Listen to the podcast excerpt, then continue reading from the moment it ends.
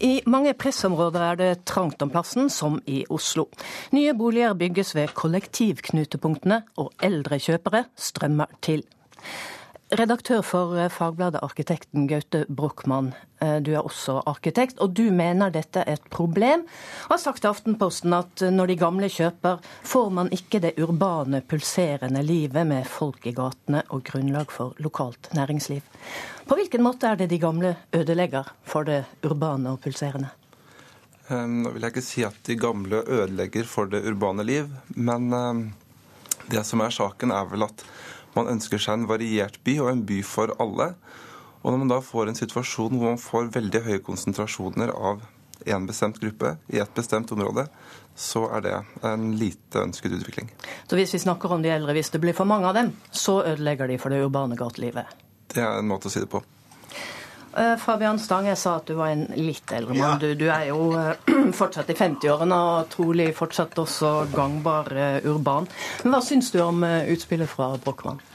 Nei, utspillet er det, det starter i gal ende. fordi at i våre dager så er eldre er jo ikke gamle. Eh, altså Eldre mennesker eh, som er over 50 eller 60 eller 70, er jo mennesker som lever sine liv. De tar T-banen, de tar flytoget, de reiser på tur, de reiser til barnebarn, de handler i butikkene. Eldre er eh, ikke noe problem i det hele tatt. De er veldig med på å skape det urbane liv. Ja, Brochmann, er du i overkant generaliserende når du snakker om at uh, også i samme sak at eldre folk holder seg mye inne eller på balkongen sin? Nå kan jo ikke jeg påstå hvordan den enkelte eldre lever sitt liv, men ja, Men du har snakka om de eldre som gruppe? Jeg har gjort noen eh, oppgaver eh, i forbindelse med utdannelsen min, hvor jeg f.eks. var på Kolbotn, hvor man har en knutepunktutbygging, som det er snakk om her, som eh, er ferdig og var innflyttet. Og når man ruslet over torget der, eller gjennom gatene, så hørte man liksom vinden ule i de forlatte vippedyrene, og huskene sto og svang sånn ensomt for seg selv mens du så at gardinene ble lukket forsiktig frem og tilbake. Og nå er det ikke sikkert at det er representativt for alle områder, men min erfaring disse begrensede casene som jeg studerte, var at det var lite mennesker i gatene og mange på balkongene. Har du vært på Kolbotn og sett dette? Fabiansen? Ja da, jeg har vært på Kolbotn også. Jeg har vært på de knutepunktene som vi har bygget ut eh, her i byen. Og det som skjer, er jo at en del som har hatt store boliger, eh, selger disse når eh, barna blir store og flytter ut. Det gjør at nye barnefamilier kan komme inn i de boligene. Hadde vi ikke foretatt knutepunktutbyggingen, så hadde jo folk blitt boende i villaene, og det hadde i hvert fall ikke blitt noe urbant liv. Så dette fungerer aldeles utmerket. Men der hvor vi får en overvekt av én gruppe i et boligområde, så setter vi jo inn tiltak. Da bygger vi f.eks. nye attraktive skoler, sånn at barnefamilier har lyst til å bo i området. Dette fungerer veldig bra. Og igjen, eldre er ikke noe problem. Det er med på å skape det urbane livet i denne byen. Men, men, det kan være et problem eh, rett og slett at det blir én gruppe som dominerer for mye, også hvis det skulle handle om eldre? Eh, nei, altså jeg, jeg ser ikke den, eh, den, problemstillingen som alvorlig. Det, det, er en mye større utfordring det at vi har eh, en, en, delt by i forhold til våre innvandrere som liker å bo sammen. Der har vi en stor jobb å gjøre, sånn at de føler seg vel i alle deler av byen og, og ønsker å være en del av, av det norske samfunn og ikke tenke på hvem som er naboen, men at det er hyggelige mennesker uavhengig av hudfarve og religion. Gaute Brochmann, hva mener du kan gjøres for å få inn da det som jeg oppfatter at du ønsker, en mer sammensatt eh, befolkning i disse kollektivknutepunktene når det gjelder eh, alder, da, som vi snakker om her? Eh, nei, Det er flere måter å gjøre det på. Som Fabian sier, det er å bygge forskjellige typer bolig, f.eks.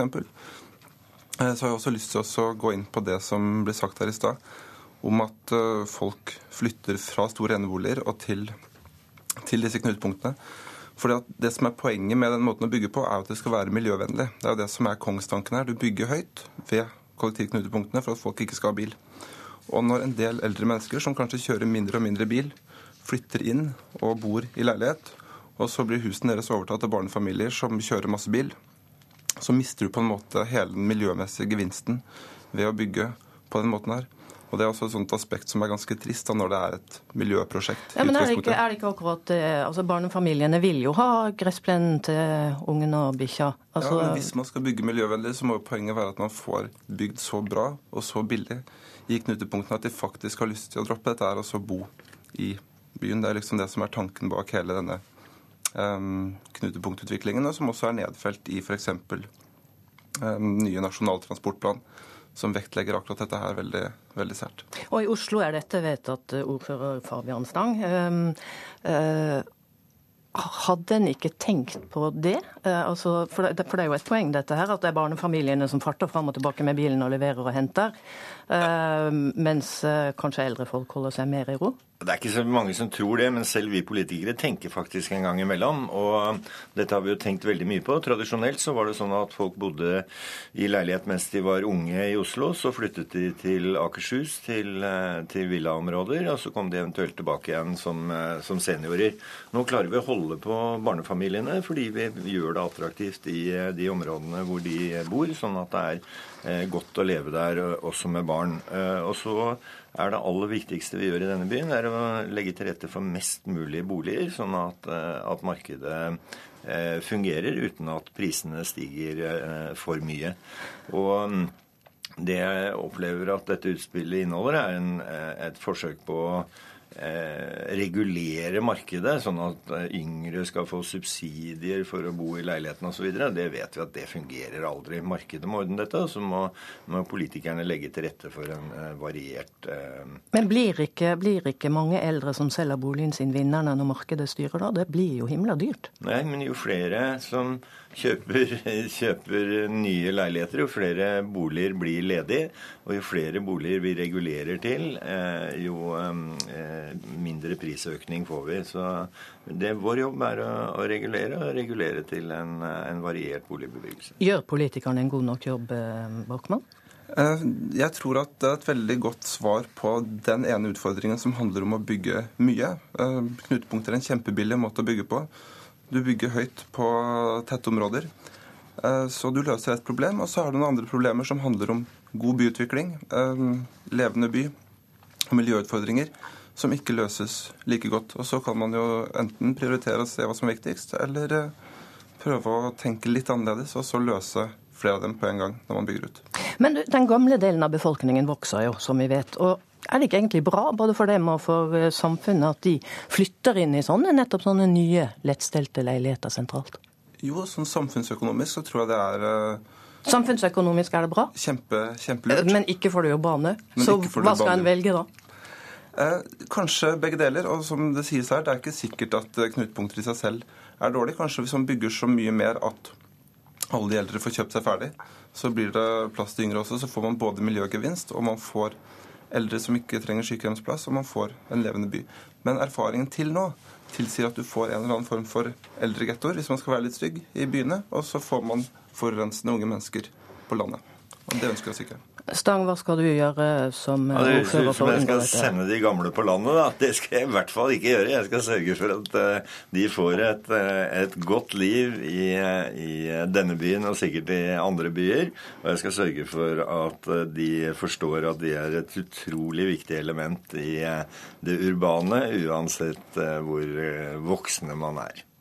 Takk for at dere kom til Politisk kvarter, Gaute Brochmann og Fabian Strang.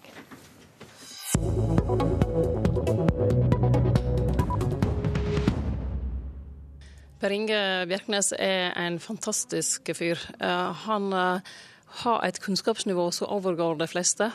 Han møter alltid forbud til møte, eh, og han tar saken på en måte som de fleste bare kan misunne han. Kunnskapsrik, aktiv fylkesvaraordfører i Østfold. Synlig, og ikke minst eh, i forhold til å få kommunisere på en god måte med, med velgerne.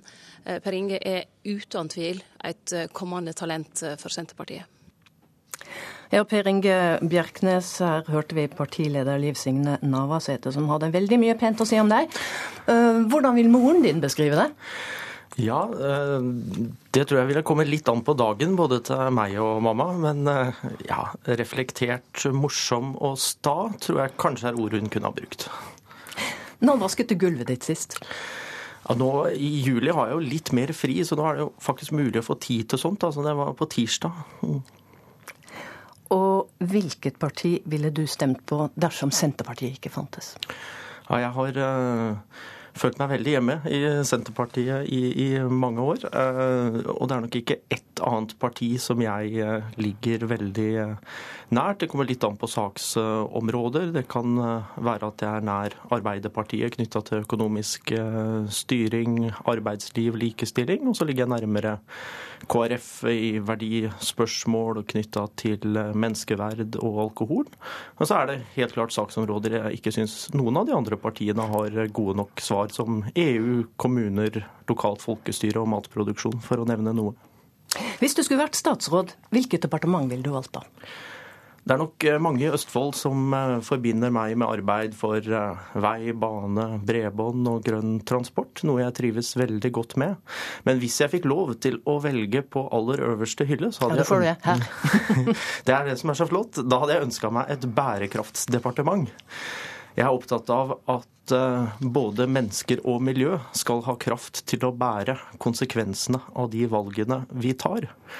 Det handler om å si fra når grensene er eh, nådd, sånn som det er på klimaområdet, som krever at vi gjør grønnere valg i tida framover. Men det handler også om å peke på de kreftene vi ikke er flinke nok til å bruke i samfunnet vårt. Det kan være naturressurser, arealressurser, det som handler om å ta hele landet i bruk. Men ikke minst de menneskelige ressursene. Eh, vi har mange som ønsker å bidra i samfunnet. Eldre som ønsker aktive liv, delta i organisasjoner funksjoner, i arbeid osv. Vi har funksjonshemmede, og vi har mange mennesker som vi må bli enda flinkere til å slippe til i samfunnet. Og få lov til å jobbe med sammenhengene på dette området, det ligger mitt hjerte veldig nært. Er det denne type saker du vil profilere deg på i valgkampen? Dette er en uh, valgkamp der det handler om å synliggjøre uh, forskjeller på, på, mange områder. Det handler om uh, kommuneøkonomi, det handler om vei og bane. For meg så handler det også mye om å synliggjøre det å sette mennesket foran strukturer og, og, paragrafer. Og det er nok noe av det som vil kjennetegne meg og, og de sakene jeg profilerer fram mot valget. Du er jo blind, og da vi snakket sammen før sendinga, sa du at du også er opptatt av kampen mot de usynlige barrierene for eh, funksjonshemmede. Forklar hva du mener med det. Det er vel sånn med oss mennesker at vi lett fokuserer på det som er fysisk og konkret. Altså for meg som er blind, at det blir fokus på lederlinjer eller sakspapirer eller sånn. Sitter du i rullestol, så er det rullestolramper og heis osv. Mens kanskje de aller viktigste og største barrierene de har vi i hodene våre. Eh, tanker som sier at vi ikke er gode nok, dette blir vanskelig. Og det er holdninger både hos oss som funksjonshemmede, hos arbeidsgivere, hos andre i, i samfunnet. Så det å være en tydelig stemme og, og, bygge ned disse eh, barrierene, det, det er en viktig, viktig, kamp. Og der vi som eh, folkevalgte også må gå foran med et, med et, godt eksempel. Så hvis jeg kan tilføre noe i forhold til et perspektiv på, på dette, så vil det være utrolig viktig for meg. Nå er jo ikke du noen purung politikerspire akkurat. Du kom inn i fylkestinget som 24-åring, og det er ca. ti år siden? Det stemmer. Ja. Men øh, likevel. Hvilken sak bør Senterpartiet fronte for å trekke unge velgere? Ja, Da jeg kom inn i fylkestinget, så uh, profilerte jeg mye en, en, sak som er Hjem for en 50-lapp. Uh, som handler om å, uh, at ungdom skal ha et transporttilbud hjem fra byen i helgene på fredagskvelder og lørdagskvelder. Slippe å sitte på med Eh, fulle kamerater, eller at foreldre må sitte oppe halve natta osv. Det tror jeg er en type konkret sak som var aktuell den gangen, som er fortsatt eh, aktuell i dag. Og jeg tror vi må være flinkere til å synliggjøre de helt konkrete sakene for, for ungdom, og at det faktisk også er politikk. Mm. Uh, har du gjort noen tabber i dette relativt lange politiske livet ditt? da? Ja, selvfølgelig har man eh, gjort det. Så har man sikkert fortrengt en del. Men jeg husker jo eh, i en kulturdebatt i, i fylkestinget hvor jeg da klarte å si at eh, kulturen er limet i samfunnsmaskineriet. Så hvis man tenker hva som skjer med en maskin når man heller lim i det, så var vel ikke det et helt heldig, heldig bilde. Og Siden du delte tabben med oss, så skal jeg spørre deg også om du har en politisk seier du er stolt av? Ja, jeg er uh, veldig glad for det vi har, uh, har uh, fått til på samferdsel i, i Østfold. Jeg har jobba mye med samferdsel. Det skjer mye på E18. Vi har fått en god E6.